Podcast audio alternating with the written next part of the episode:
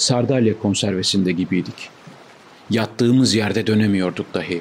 Durumumuz gittikçe kötüye gitmeye başlamasına rağmen umudun yarattığı güçle yaşadığımız ortamın felaketine dayanabiliyorduk. Kimse bizi insan olarak görmüyordu. İnsan olarak görmediklerine neden yardım etsinlerdi ki? Bir sabah sert bir gürültüyle uyandık. Çapamızın zincirinin kesildiğini öğrendik. Bir römörkor bize bağlanıp geldiğimiz yöne, Karadeniz'e doğru çekmeye başladı. Gidecek bir yerimiz de yoktu, bizi bir yere götürecek makinelerimiz de. Sonumuzun geldiğini hissetmeye başladık.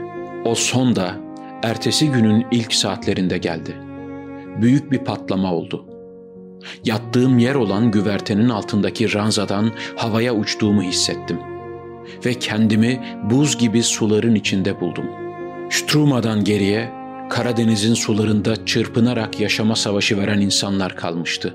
Zaman içinde kimi donarak öldü, kimi ise azgın dalgalara yenik düştü. Tek başıma kalmış, çırpınıyordum. Ertesi gün bir arama kayığı tarafından kurtarıldım. Önce İstanbul'da tedavi gördüm. Daha sonra Türkiye'ye kaçak giriş yapmaktan hapse atıldım. Sonunda İngilizlerin istisnai izniyle Filistin'e gitmeme izin verildi. Yaşamam için hiçbir sebep yoktu.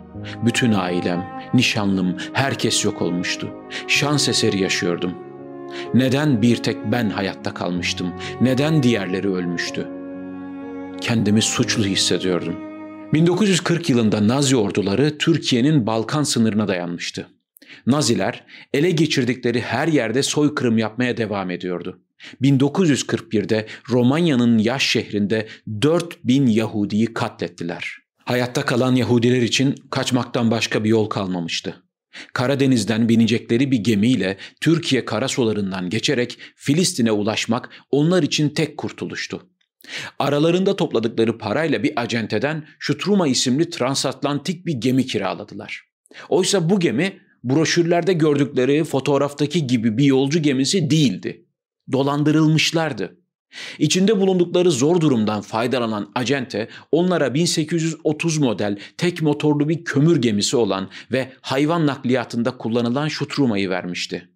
Katillerden kaçıyorlar, sahtekarlara yem oluyorlardı. Dünya yine karanlığın dibinde debeleniyordu. 12 Aralık 1941'de Köstence limanından neredeyse 800 kişi Sadece 100 yolcu kapasitesi olan bu gemiye bindiler ve İstanbul'a doğru bir umut yolculuğuna çıktılar. Ama geminin yaşlı motoru İstanbul'a ulaşamadan açık denizde bozuldu. Yolcular yakından geçen bir geminin mürettebatına aralarında topladıkları para ve mücevherleri vererek motoru tamir ettirdiler.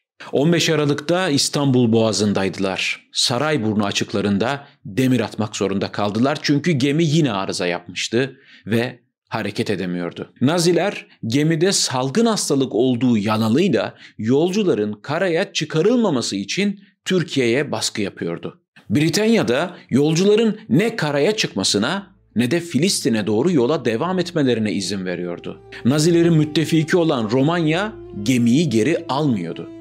Ve zaten Ağustos 1938'de çıkan kararname ile gemideki yolcuların Türkiye girişi yasaktı. Şöyle diyordu o kararname.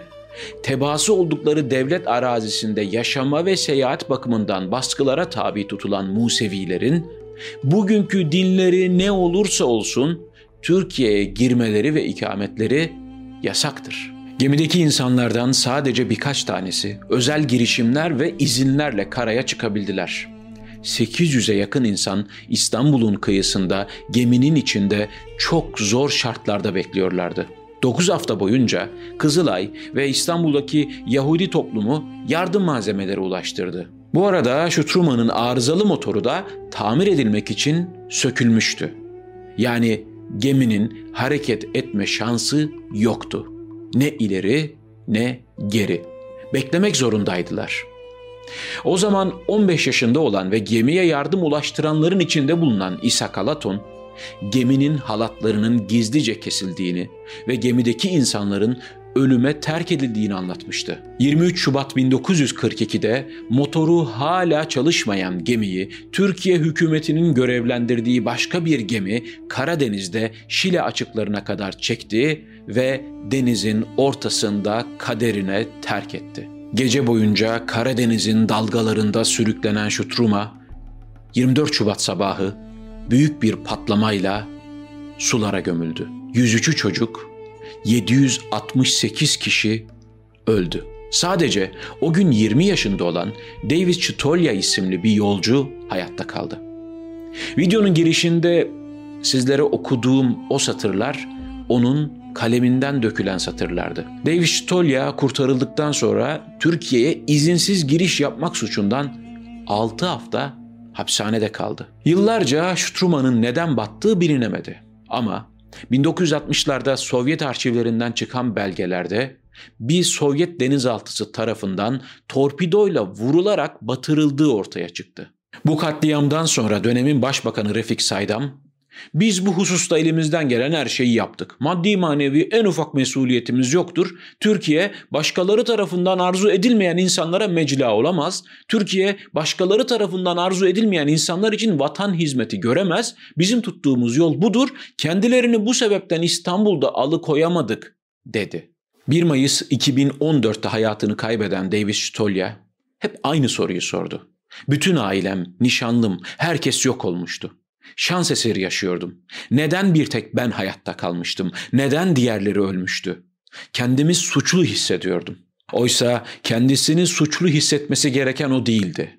Dünyanın gözü önünde milyonlarca insanın ırkından, inancından, düşüncesinden ötürü soykırıma uğramasına engel olabilecek gücü olduğu halde hiçbir şey yapmayanlardı asıl suçlu. Kendilerini suçlu hissedecek kadar bile vicdanı olmayanların insafına terk edilen 768 masum insanın çığlığı Karadeniz'in, İstanbul'un ve bütün dünyanın kulaklarını sağır etmeliydi, edemedi. Bir gemi dolusu insan dünyanın gözü önünde çaresizliğe terk edildi ve dünyanın gözü önünde katledildi. Şimdi başka denizlerde başka gemilerde, başka kötülerden kaçan, başka umutlara yolculuk etmeye çalışan masumlar var. Onların sesini duyan var mı? Daha kaç kez içinde deniz geçen, gemi geçen, umut geçen ve sonu acıyla biten hikayeler dinleyeceğiz, hikayeler anlatacağız.''